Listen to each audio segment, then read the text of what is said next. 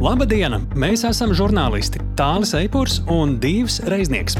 Mūs no sirds interesē, kas notiek Ukrajinā, kā notiekošais tur ietekmē notikumus šeit, kā mēs šeit varam būt noderīgi cilvēkiem tur. Lai labāk izprastu notiekošo, mēs dzenamies pakaļ personīgiem stāstiem, kas iemieso šo eksistenciālo cīņu. Mēs skaidrojam, ko globāla ziņu virsraksts nozīmē šeit, pie mums. Jo Ukraina cīnās ne tikai par savu brīvību.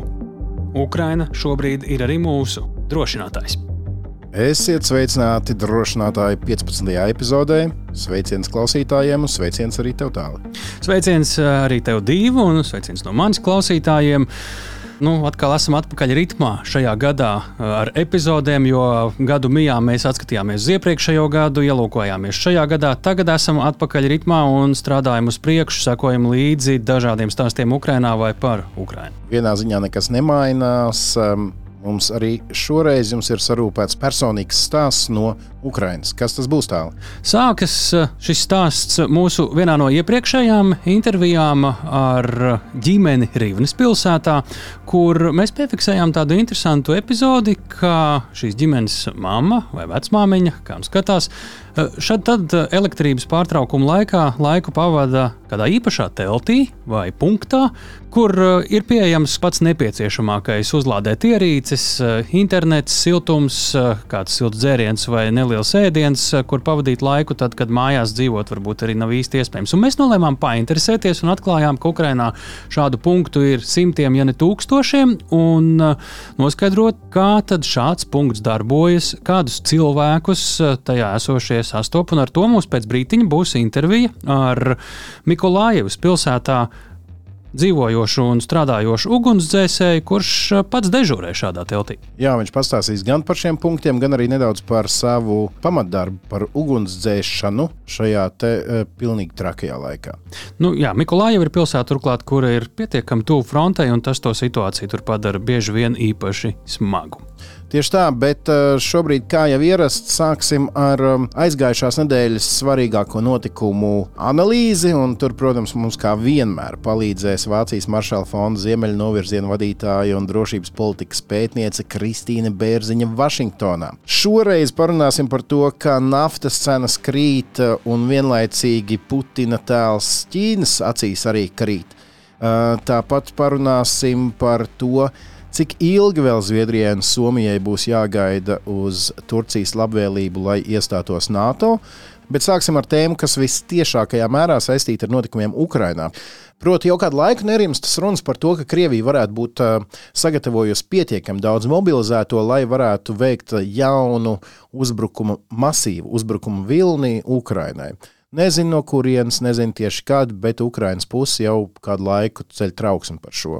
Lai varētu stāties pretī šādam potenciālajam uzbrukumam, Ukraiņa, protams, ka atkal jau ilgāku laiku aicina rietumus eh, piešķirt tai modernu bruņojumu. Modernu, smago bruņu tehniku. Jā, ir it sevišķi Polija, Čehija, vēl vairākas valstis ir, ir devušas eh, nu, teiksim, tā, padomu laiku bruņojumu, tur tankus, vecus un tam līdzīgi. Bet nu jau runa ir par modernu, jaunu rietumu tehniku. Ukraina šādu bruņojumu prasījusi ilgi, un pēkšņi kaut kas izskatās ir mainījies. Sākusies bez mazliet sacensība, kurš iedos vairāk, modernāk, ātrāk. Kāpēc tā? Par to mēs sāksim sarunu ar Kristīnu Vašingtonā. Nu, ko pieslēdzamies okeāna otram krastam. Sveiki, Kristīne! Sveiki, Kristīne! Sveiki, sveiki! Pēdējās nedēļas laikā daudz kas noticis. Šķiet, jāsāk ar to, ka Francija bija pirmā, kas paziņoja, ka sūtīs savas kaujas mašīnas uz Ukrajinu. Pēc tam ASV un Vācija paziņoja, ka arī sūtīs nevis tankus, bet kaujas mašīnas, kas pasargā karavīrus kaujas laukā no lodēm. Attiecīgi 50 amerikāņu Bredlī, 40 vācu mārderi. Un, eh, kā noskaidroja vēlāk manīgākie žurnālisti, tad Francijas prezidents Makrons esot bijis tas, kurš gribējis laust tabū tēmu par rietumu tanku piegādēm Ukrainai. Proti, tātad mēs runājam par šīm nedaudz vieglākajām bruņu mašīnām, bet paturam prātā tankus. Kā tev tas izskatās no Vašingtonas skatoties? Man izskatās, ka briest tanku vilnis. Jautājums ir, cik ātri šis viss attīstīsies. Jo no ASV ir nācis stimuls. Pirmais solījums bruņu mašīnām Tad ir Vācijas, Francijas atbilde. Lielbritānija cenšas ietekmēt sarunu ar savu nopietno tanku solījumu, bet neko konkrētu nezināsim īsti pirms 20. janvāra, kad būs lielo donoru valstu tikšanās Vācijā, kad tiešām būs jāparāda, kas ir tas, ko tālāk dos Ukrainai. Bet nākamās nedēļas laikā mēs uzzināsim, cik liels būs šis tanku vilnis. Ir skaidrs, ka impulss sevi nobremzēt, ierobežot, kādas spējas tiks dotas e, Ukrainai, tas sāk beigties. Ukrainai, protams, tas nāks par labu. Interesanti šajā visā procesā ir tas, ka nav runa tikai par vienu valsti, bet kā valstis sanāks kopā, lai solītu, sagādātu un arī apbruņotu, remontētu, uzturētu jaunās ieroču sistēmas. Daudz tiek runāts konkrēti par Vācijas leopārda tankiem. Ir pirmkārt jautājums, vai Vācija pati sūtīs tankus uz Ukrajinu. To jau sen Ukraina prasa, un eh, citas NATO valstis liek spiedienu uz Berlīni, lai sagādātu šos tankus. Bet tikpat Polija arī vēlās sagādāt savus leopardu tankus Ukrainai, bet, kā jau mēs daudz esam pēdējā gadā dzirdējuši, Vācijai kā ražotāju valstī ir jādod atļauju. Ja Polija sagādātu leopārdu tankus, ja citas valstis piemestos, tad būtu viena sistēma, kuru var uzturēt daudzas Eiropas valstis. Jo, ja daudzām valstīm ir tā sistēma, tad var remontēt jebkurā valstī, var sagādāt e, lodes, jebkura valsts var e, trenēt un, un e, mācīt, kā izmantot to sistēmu arī jebkura valsts, un tas būtu vieglāk Eiropai un NATO un arī uh, tas būtu gudrs risinājums Ukraiņas problēmai. Ātrais jautājums saistībā ar Francijas prezidentu Makronu. Šī visaptvarošā kara pirmajā posmā ļoti daudzi par viņu iesmēja. Saistībā ar to, ka Makrons bezmazliet katru otro dienu zvanīja Putinam un mēģināja kaut ko ar viņu runāt. Tagad mēs redzam, ka viņš ir tas, kurš bezmazliet izaicina Vāciju, liekam nopietnākus uh, ieročus Ukraiņu rokās. Kas ir mainījies? Sākumā izskatījās, ka Makrons vēlās spēlēt starpnieka lomu. Tas, ka vismaz vokāli skaļi šis parādās, nozīmē, ka kaut kas ir mainījies un ka pātrināsies iespējams Francijas eh, vadība šajos jautājumos ja Francija nebremzē, tā ir laba lieta. Un e, svarīgi ir, ja Francija grib kaut ko bīdīt, nedarīt to aizkulisēs. Jo stingra un skaļa nostāja no Eiropas puses palīdzēs Ukrainai. Īpaši tādēļ, ka no ASV puses nav gaidāmas jaunas lielas paketes. Mēs jau par to runājām, ka decembrī ko iztujumu cauri, ka tas jau tagad kādu laiku būs viss. To tagad jāiztērē, un tā ir milza nauda, tie vairāk nekā 40 miljardi. Bet tagad ir iespējams kļūt par zvaigzni Eiropas līmenī, un ja Amerikā valda neliels bardaks, tad arī izcelties amerikāņu un visas pārējās pasaules acīs. Labi, iesim pie nākamās tēmas. Eh, it kā divas ziņas, bet eh, tu tās redzi kā savstarpēji saistītas. Proti, naftas cenas turpina krist, un vienlaicīgi Ķīna arvien skeptiskāk sāk skatīties uz Putina lomu. Putina izteikumiem un viņa uzticamību. Pagājušā gada sākumā likās, ka Ķīna bija atļāvusi Krievijai iebrukt Ukrajinā. Arvien vairāk dzird to, ka Putins nav taisnību stāstījis eh, prezidentam šī eh, Ķīnā par to, ko sagaidīt Ukrainā. Un savā veidā, ka Ķīna ir iegrābusies, pēc tam laust savu norunu, tas arī tā kā nebūtu smuki, bet vai Ķīnai šis konflikts ir nācis pa labu, ne īsti. Un jautājums ir, kādā veidā Ķīnai ir bijis labums, nu tas ir tāpēc, ka beidzot ir brīdis, ka Ķīna var par lētu naudu iepirkt naftas un gāzes resursus. Un tad, ja skatās, Krievijai jā, tagad ekonomiski ies sliktāk, ja, ja naftas cenas krīt, ja naftas cena tagad ir puse no globālās parastās naftas cenas, tad kurš no tā iegūst? Iegūst Ķīna, iegūst Indija. Ķīnai labums ir tikai no tā, ka tā var tagad iegūt no Krievijas, ko vien viņa vēlās no dabas resursiem. Izmantot Krieviju savā ziņā kā mazatīstītu valsti, no kuras var iegūt tikai neapstrādātus resursus. Bet citādāk, varbūt Ķīnai nemaz nav interese tālāk ģeopolitiski pīties ar Krieviju.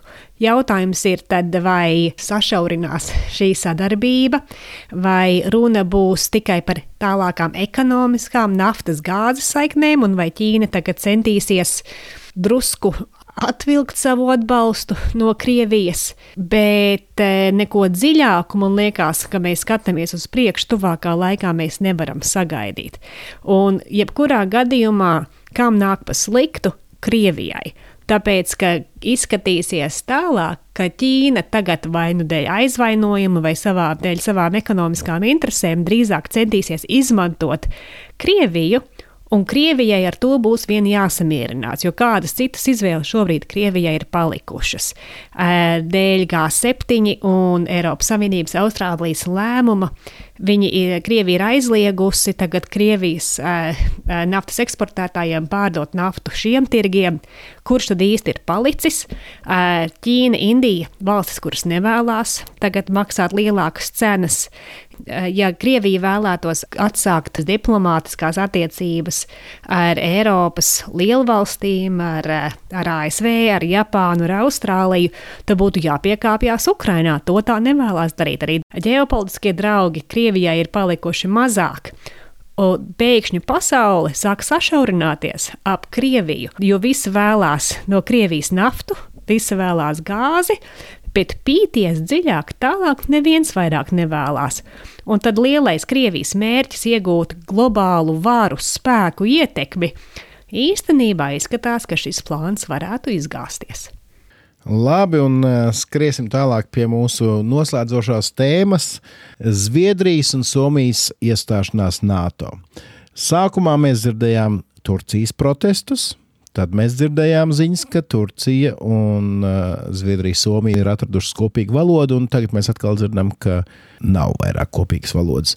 Vai šīs atkal ir kaut kādas politiskas spēles, vai te patiešām ir fundamentāls viedokļu atšķirības, kas kavē un turpina kavēt un turpinās kavēt uh, NATO paplašināšanos Somijas-Zviedrijas virzienā? Man liekas, ka ir nopietnas fundamentālas problēmas uh, starp Turciju un Zviedriju. Turcijā ir uh, etniskā minoritāšu grupa kurdi.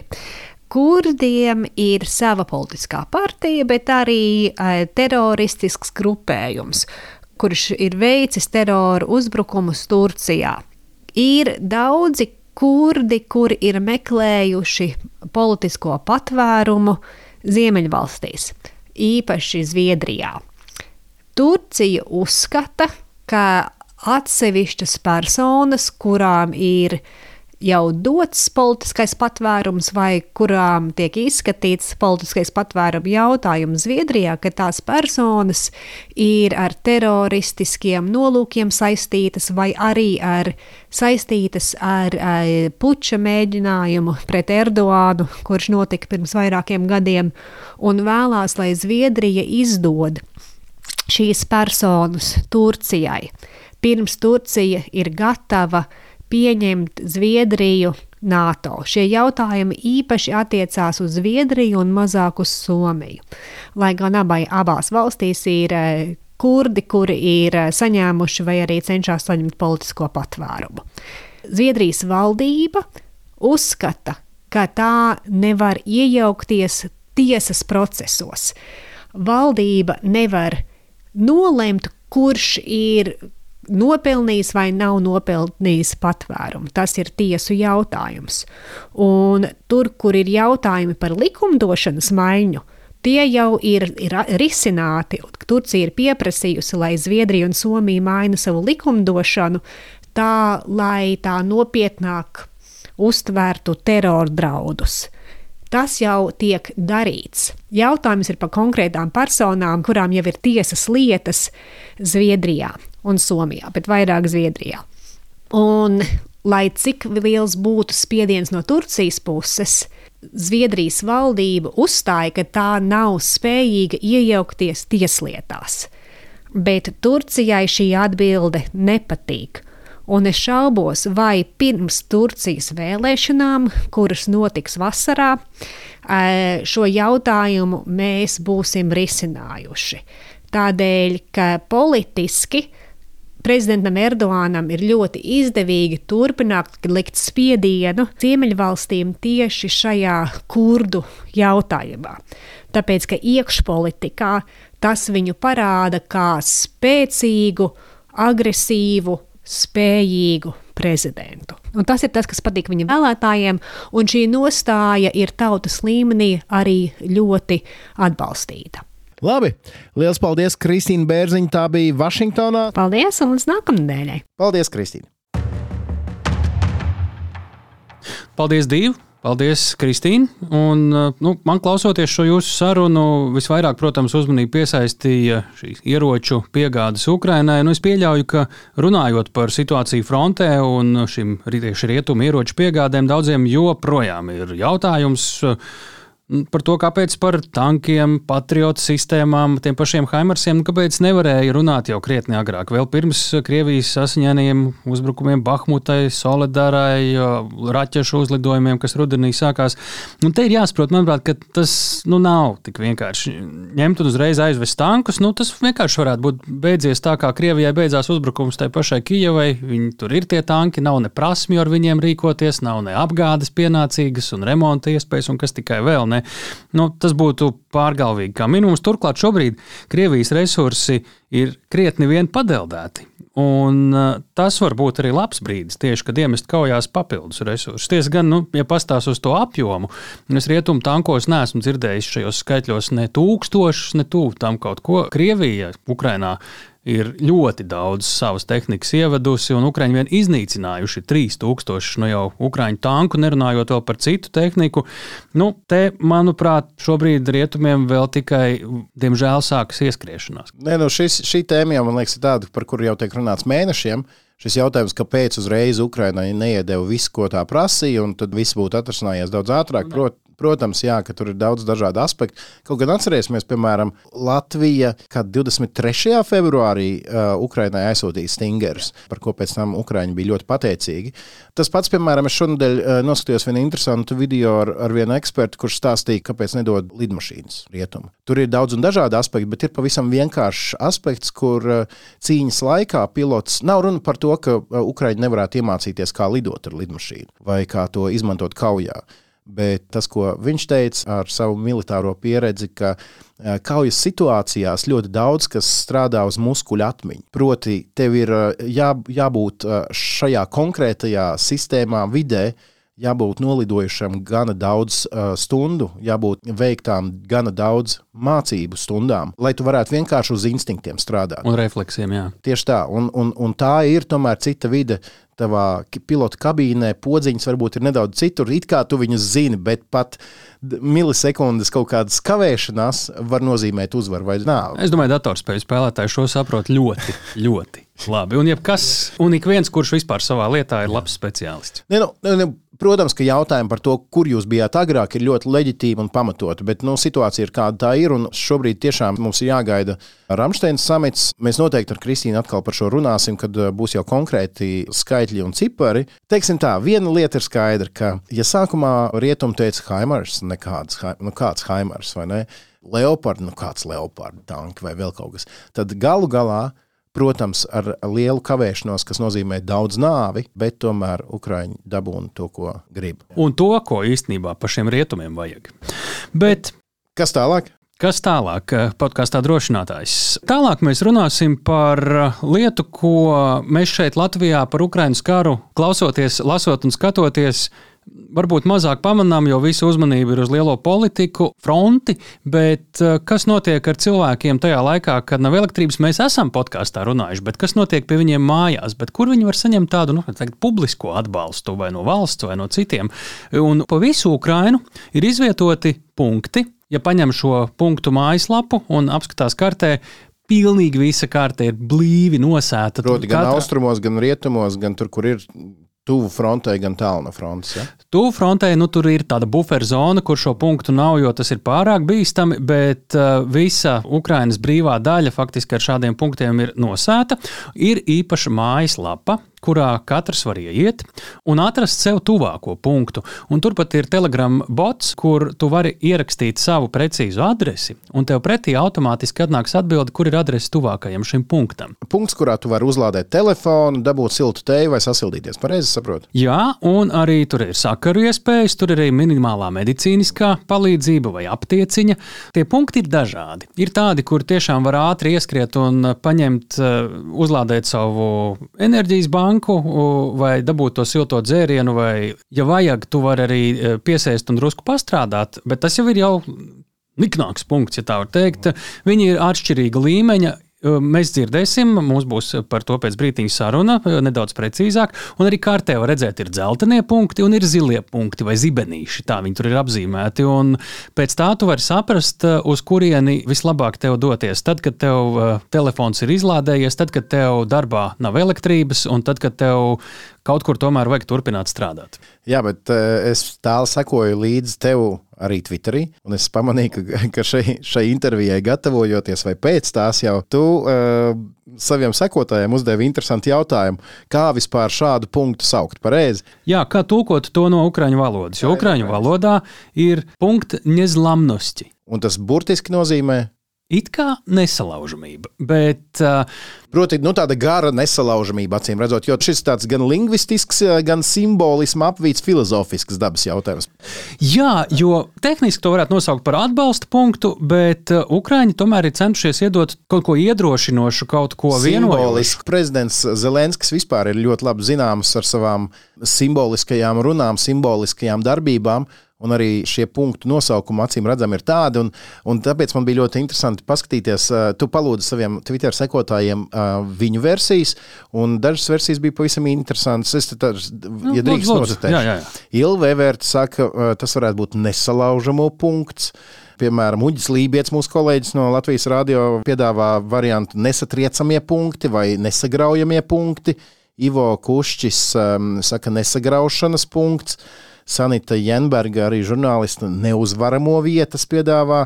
Twitter lietotājs ar sagvārdu Kristīna 3000 saka, varētu būt spēka punkts. Šis man patīk. Jā, interesanta, piekrīt viņai, un spēka punkts viņa saka, skan vislabāk. Ah. Jā, savukārt Henriks raksta spīta punkts, izturības punkts.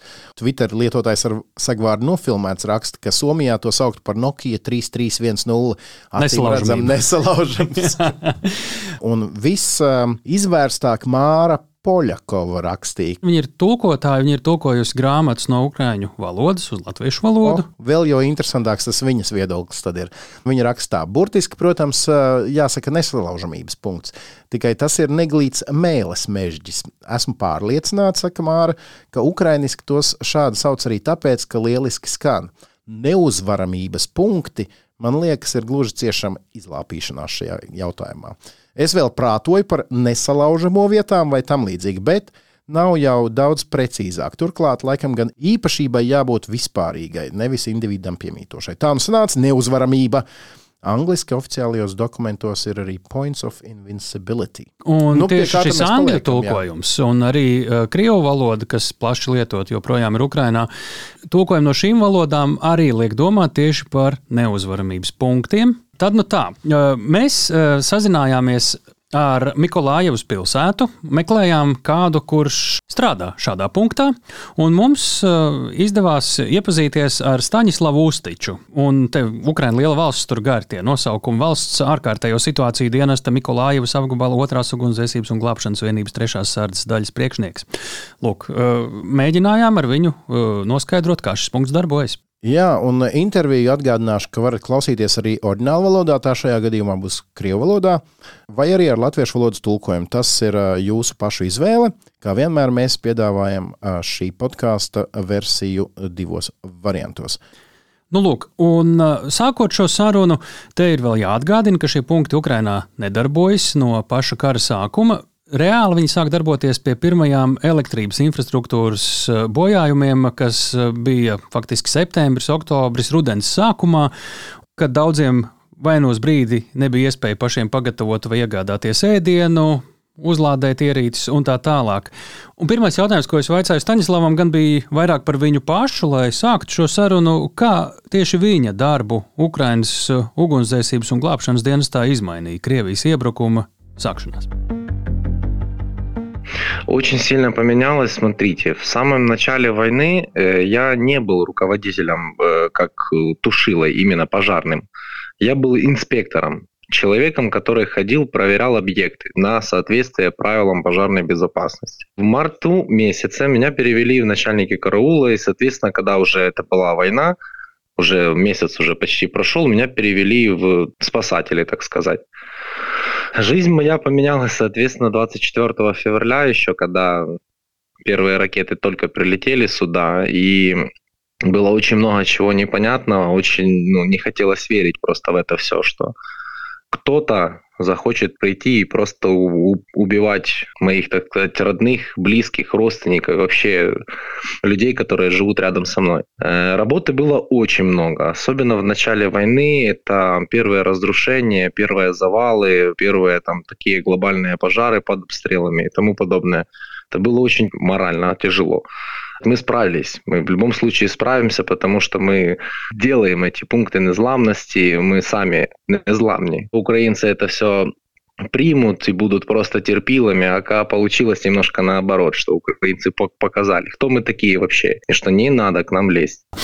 Конечно, мы все видели, что они дошли и до Миколаева, и даже пытались там дальше пойти. Как бы вы сказали, который был самый трудный момент или моменты до этого дня в Миколаеве из-за войны? Что вот у вас вот сразу так в памяти первые? Самое запоминающееся в начале войны, это были первые прилеты, первые ракеты, когда в 6 утра мы встали ну, на работу. Я лично проснулся в пол шестого на работу. И в этот момент я увидел просто ракеты, которые прилетели в наши... На тот момент это были склады с топливом и некоторые еще склады на окраине города. И это было очень ярко, это было громко, это было страшно, это было непонятно. Но из периода войны самое страшное – это завалы. Это люди, которые остались под завалами, которых мы доставали. Вот это было самое страшное. Это сам, ну, почему говорю самое страшное, потому что это морально тяжело. Ты после этого ну, не спишь ночами, они временами во сне тебе приходят эти люди. Ну, много чего морального, так сказать. Вот теперь какая ситуация, как бы вы так по-человечески сказали в, в городе? Слава богу, стало намного потише. Как по мне, буквально сколько месяц, как по нам не стреляют, но мы отвыкли уже от того, что ну, от ежедневных прилетов, от ежедневных взрывов, от ежедневного вот этого всего. Работы, конечно, ну, нам еще очень много хватает, но люди возвращаются. Возвращаются сюда, но я не могу поверить просто в то, что есть будущее у города. Потому что нам разбили всю критическую инфраструктуру, очень много университетов, школ, садиков, просто сравняли с землей. Что тут будут делать молодежь, кроме того, как отстраивать город ближайшие пять лет после победы? Ну, я не знаю. Почему вы вам позвонили? Потому что мы знаем, что вы э, связаны с пунктами невзламности. Какая это ваша связь? Э, смотрите, мы являемся как обеспечивающий персонал, ну, то есть люди, которые отвечают за имущество, которое находится в этом пункте незглавности. Соответственно, первое наше правило – это встретить людей, которые э, требуют нашей помощи. Это может быть и медицинская помощь, это помощь в, в плане зарядить э, гаджеты, зарядить мобильные телефоны, устройства и тому подобное.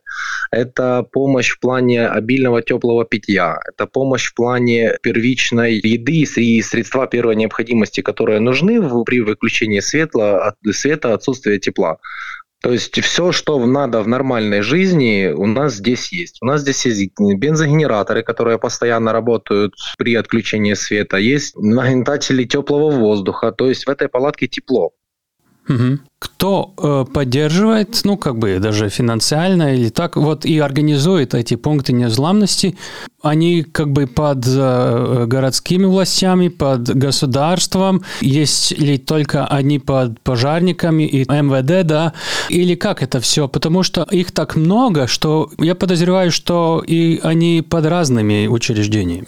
Это государственная идея, которая придумана, ну, насколько я знаю, нашим президентом, и он сказал в каждом, в каждом городе, неважно, был ли этот город в оккупации или был ли это прифронтовой город, сделать данные пункты, чтобы люди могли быть всегда на связи с родными и близкими. Соответственно, получить первую медицинскую помощь при, при необходимости и ну, покушать, попить водички, чая и тому подобное. То есть быть в тепле и быть на связи кто находится в этом пункте незламности э, с нас, то есть госструктур, государственная служба по чрезвычайным ситуациям, МВД, то есть полиция, потом люди, которые с администрацией, либо показать, либо помочь людям там, с ночлегом, с едой или еще какие-либо проблемы. То есть это решают проблемы они люди, которые там соцуслуги, ну и тому подобное. То есть мы в основном, какая миссия от э, пожарных, это обеспечивать, это встретить людей, это накормить их, напоить, обогреть и дать им необходимую, то есть электроэнергию, либо тепло.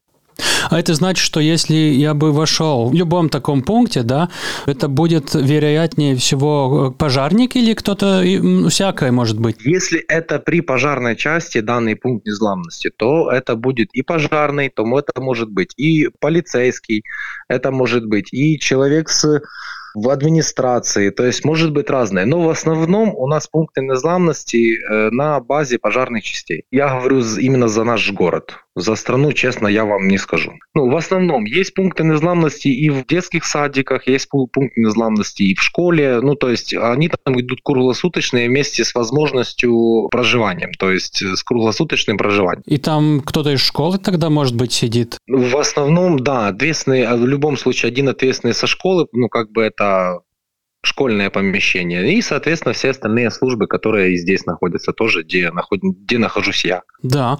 Как это есть? Сколько вы часов там сидите? И что есть эти вот дела, э, которыми вы заняты или не заняты иногда? Просто ждите там, сидите?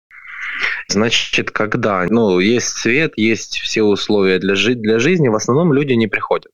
То есть у них нет необходимости пользоваться нашим пунктом незламности. В основном начинают люди приходить, когда выключают у нас, ну вы наслышаны, скорее всего, что есть почасовые графики отключения света. В эти часы, когда нету света, людей бывает много. Они приходят в основном с гаджетами, с пауэрбанками, заряжают свои телефоны, ну, э, заряжают свои пауэрбанки, сидят в интернете, общаются с людьми, чем мы занимаемся, чем мы им помогаем? Мы им показываем свободные места, предлагаем чай, кофе, обильное теплое питье.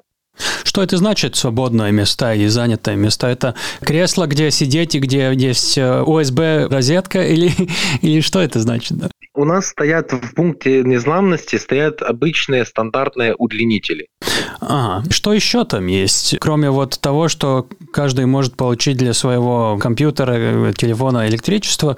Есть чайники, есть нагнетатели воздуха, то есть обогреватели, э, есть кресла, есть раскладушки, столы, стулья, то есть очень много всего разного для удобства. Да, можешь, можешь лечь, прилечь, отдохнуть. Можешь на ночь даже. Мы здесь находимся круглосуточно. Круглосуточно мы смотрим за этим пунктом незламности. Мы периодами меняемся. В основном 5-6 человек за сутки там меняется. А есть какие-то правила для посетителей, чего можно и чего нельзя, может быть, чтобы ну, был порядок какой-то? В основном только правила этикета, все. Пить, соответственно, алкоголь нельзя, курить внутри нельзя, потому что, ну, это общественное место. А так можешь делать все, все, что тебе надо. Не случается, что человек там даже неделю прожил или что-то вроде этого? Ну, крайнее, что у нас было, у нас был э, мужчина, который пробыл здесь двое суток, ну, тут данный пункт, за которым мы смотрим, он не приспособлен для круглосуточного проживания, именно проживания. Это как временная, так сказать, подзарядка и обогрев. Есть у нас пункты незламности, которые являются для круглосуточного проживания. То есть с горячим, горячей едой, с супами, с кашами, то есть такого формата. Здесь мы можем дать только фастфуд. Мивина, ролл, там, вот такого лапша быстрого приготовления, печенье, может там какие-то шоколадочки, орешки, ну, такого формата, знаете. Это все является бесплатным будет нечеловечно, если ты будешь помогать людям и за это еще и требовать деньги. Но это нет.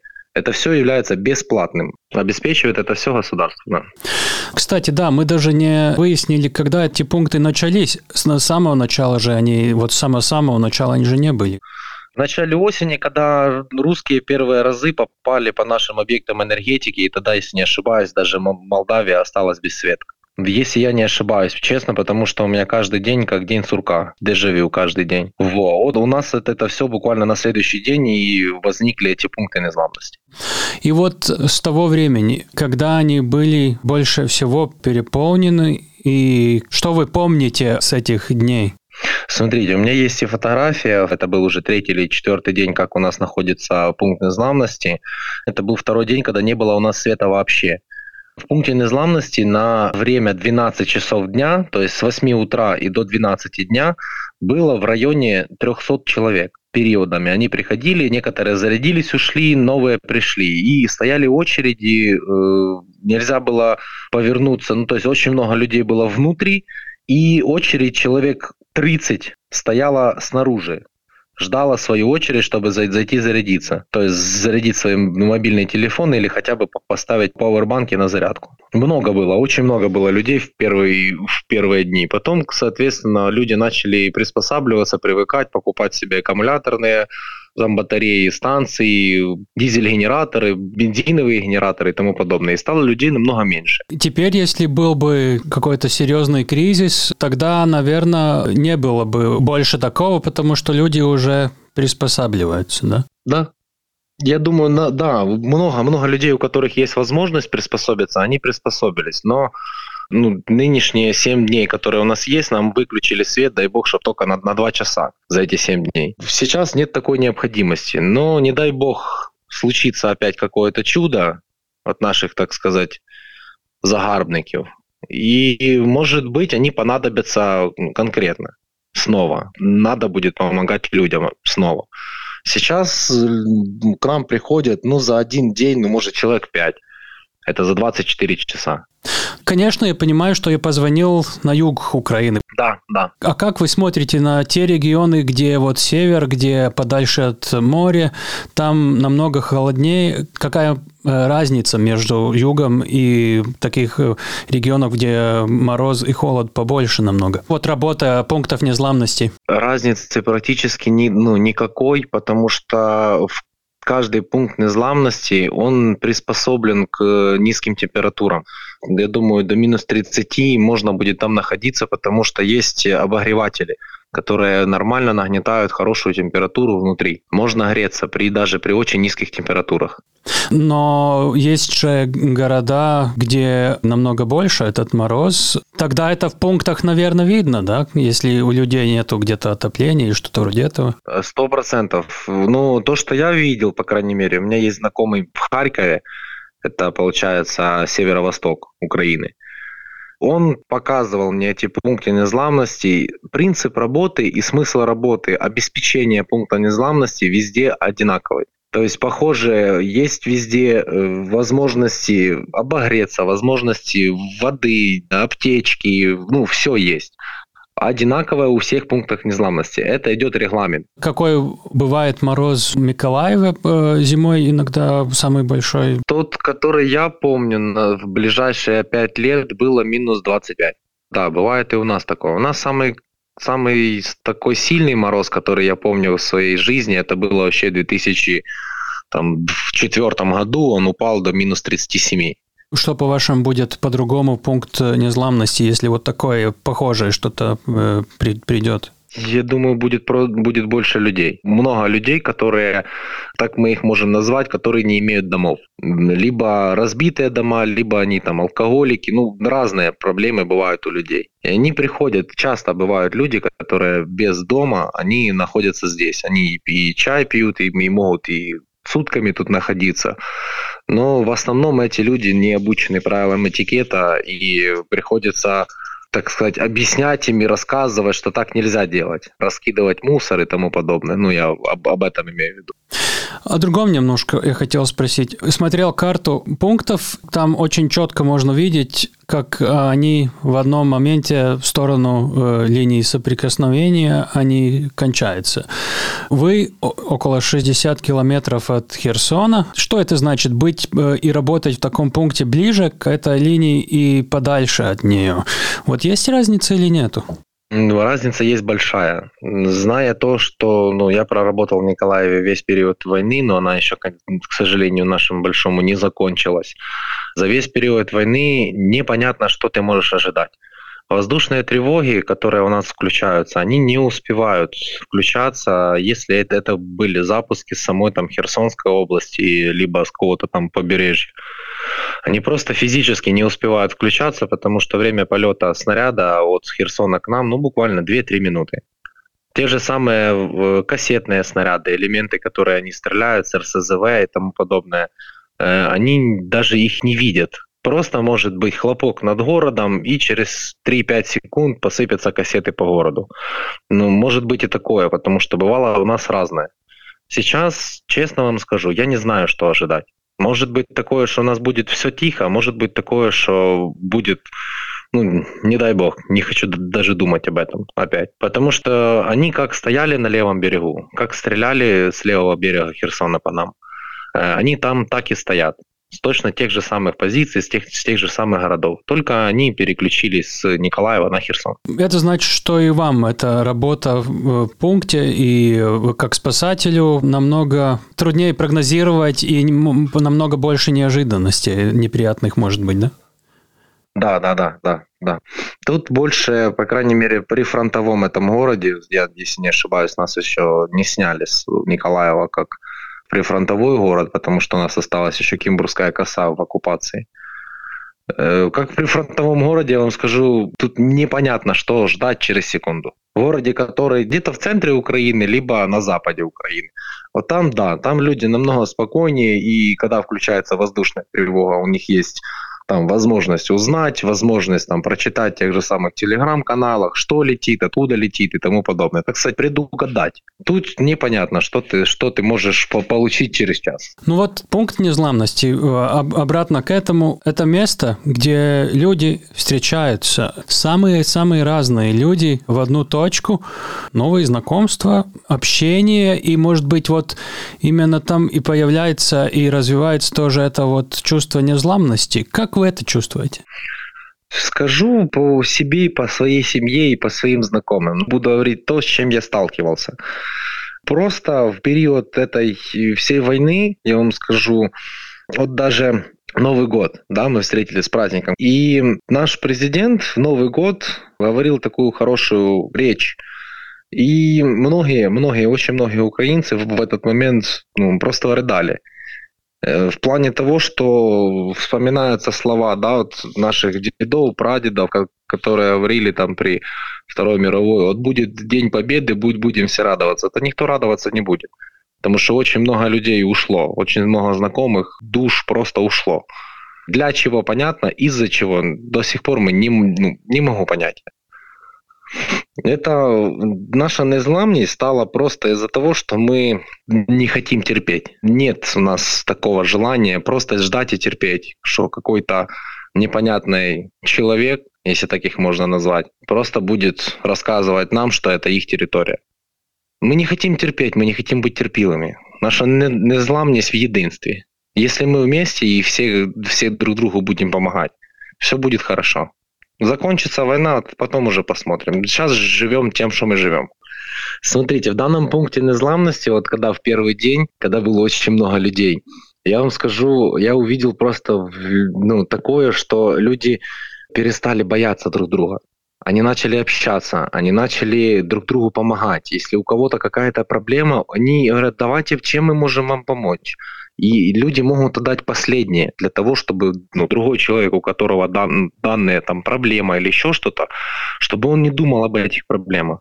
Ну, вот я вам я не знаю, как это даже назвать, эм, стали добрее. На очень много стали добрее и стали сплоченнее. То есть как одна семья. Я в начале войны говорил своим другом, я говорю, я не могу поверить в то, что Николаев стал таким родным, как одна семья, друг за друга горой. Даже те люди, которые, да, вот есть разные ветви общества. Люди, которые там не имеют денег, это там малоимущие, люди, которых очень много денег, которые бизнесмены и тому подобное. Сейчас на это никто не смотрит. Люди, у которых есть деньги, они помогают. Люди, у которых нет денег, они не мешают. Ну, в плане того, что они не, не рассказывают людям, что вот все такие плохие. Нет. В вашем пункте вот есть какие-то э, маленькие эпизоды, чего вы сами видели, вот, э, может быть, рассказать немножко? Не знаю, как для кого, для меня было удивление в первый день блокаута, когда у нас вырубали везде свет. Дети, которые поприходили тоже заряжаться, они пришли с конфетами. И они угощали всех конфетами. Просто вот, вот это было, ну, прям улыбка на лице и теплота в душе, что дети пришли даже в воздушную тревогу, когда ты всем говоришь, давайте, вот есть у нас подвал, есть э, захисна споруда, ну, то есть защитное убежище, давайте идем все, все туда. И дети в этот момент говорят, да, это с Каспия, это ракеты будут долго лететь, они не к нам. Ну, то есть люди в основном это все воспринимают как обыденность. Мы уже привыкли к этому. И, и без доброты никуда. Просто никуда. Для меня было удивление, это э, пример вам просто так приведу. Э, машина, да, вот Land Cruiser. Приехала ну, женщина с ребенком на там блатной классной дорогой машине. И в этот же момент пришла другая же женщина с ребенком пешком, ну то есть без, без машины, без ничего. И они все пришли в одну точку. Люди не смотрят на свое социальное положение, они говорят, может вам чем-то помочь? Может, давайте мы там как-то организуем, давайте будем то организовывать. То есть э, перестали быть эгоистами. Вот это для меня еще что было удивлением. Я был летом э, сам в Львиве. То, что я увидел, что э, бензин намного труднее, чем э, в Польше купить, о дизеле вообще не говоря. Там его очень трудно было где-то увидеть. Вот насчет этих генераторов. Это не очень трудно пользоваться ими, обеспечивать, да? У нас э, как таковое обеспечение вообще государственное. То есть все, все топливо, то есть бензин, дизель, э, масла и тому подобное, нам все обеспечивает нас государство. Соответственно, на пользование данных генераторов есть определенный багаж э, топлива, который мы в момент, когда бы не было ни у кого топлива, государственных структурах ну, нам выдавали топливо, потому что было единственное для, для госструктур, то есть для пожарных, для скорых помощи, для полиции бензин, ну, как бы нам выдавали. То есть количество топлива, все делается официально, через накладные, через э, все официальные бумажки, документы. То есть тут мы не покупаем это не со своих денег это все, то есть не со своего кармана, это все государство. Данные генераторы, которые у нас стоят, э, вот расход в час плюс-минус от 2 до 3 литров. То есть это 4-5 долларов у нас идет на один час работы генератора. У нас мощные генераторы, то есть один идет на 8 киловатт, у нас хватает нам обеспечивать и часть электроэнергии, и этот пункт незламности. Есть отдельный генератор на пункт незламности на 5 киловатт. То есть многим людям хватает плюс-минус человек 50-60 одновременно могут заряжаться. Вот мне коллега присылал вопрос, если люди там приходят, сидит там, ну кто как там, час, два, три часа. Ну, не, не бывает ли случаи, когда вот молодежь, например, или не только молодежь, уже пары познакомились? Ой, не, не знаю, честно не знаю. Ни, на моей памяти такого, по крайней мере, пока еще не было. Есть, есть очень много молодых, которые приходят. В основном это, конечно, парни, ну, то есть мужчины. Э, женщин ну, и девочек, ну, поменьше. В основном, если приходят женщины, то это либо с детьми, э, либо с какими-то родственниками. То есть это либо бабушки, либо уже женщины, которые двое-трое детей. Лет там 40-45, такого возраста. А почему так, что мужчин больше? Просто женщины в основном, основная масса женщин выехала мужики пооставались, они всех своих родных, близких, жен, детей поотправляли за границей, соответственно, для обеспечения безопасности. Я тоже находился 9 месяцев войны без, без никого здесь. Я тоже отправил свою жену недалеко, но более безопасное место. И вот только месяц назад она вернулась. Какие ваши отношения с войной? Вы э, пожарники, ваши коллеги, люди из пожарников, и они должны идти воевать или у них свое дело? И, ну, например, тоже и у полицейских, наверное. И как у вас? Вот, да, вот вы правильно сказали в конце. У каждого свое дело. У каждого свое дело, каждый учился своему. Если скажут, конечно, идти воевать, я думаю, тут никто не скажет, зачем это мне надо. На данный момент мы, мы выполняем свою работу. Мы пожарные, мы не обучались на то, что как работать с оружием, как стрелять э, и тому подобное. Мы можем разминировать, собрать всякие боеприпасы, да, это мы можем. А стрелять и заниматься военной тактикой, ну, как бы это не наше. Поэтому лично мое мнение и мнение, я думаю, многих, которые работают в данной структуре, что должен каждый заниматься своим делом. Мы в конце каждого нашего интервью спрашиваем, чего бы вам и вашим коллегам, которые и пожарникам, и которые работают в этих пунктах незламности, чего вам пожелать? Я думаю, терпение. Терпение и скорейшей победы. Все. Закончится война, нам станет намного легче. Намного легче. На данный момент то что, то, что мы прошли, то, что мы пережили, это отложилось в душе и в голове у каждого. Очень многие об этом говорить не хотят, а многие еще свое слово скажут. Но на данный момент мое мнение, что нам надо всем пожелать, это только терпение, здоровье и, соответственно, ближайшей и скорейшей победы. Это мы вам всем пожелаем. Я очень благодарен за, за этот разговор. Было очень важно э, слышать э, ваши сведения, вашей э, части жизни в Украине во время войны. Спасибо вам. Спасибо вам большое. Мне очень приятно, что вы именно со мной пообщались на, на эту тему. Я, я надеюсь, что на все вопросы я вам ответил в полном объеме. Спасибо вам большое.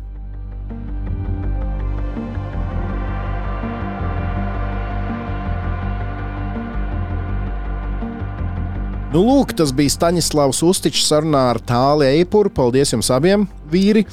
Man šķiet, ar Staņdārzu vēl tikpat ilgi un interesanti mēs varētu arī runāt par viņa pamatnodarbošanos, par ugunsdzēšanas lietām. Jo tāpat kā, piemēram, elektriķis, ar kuriem mēs esam iepriekš runājuši, tie ir tie varbūt šī kara neredzamie varoņi. Nu, man paveicās, ka es bērnībā esmu braukājis līdzi brīvprātīgajam ugunsdzēsējam, turpat laukos, kur es dzīvoju. Tas atvēra Staņdārzs sirdi sarunai. Vismaz. Viņš uzreiz teica, ah, nu tad jau tu saproti, par ko ir runa.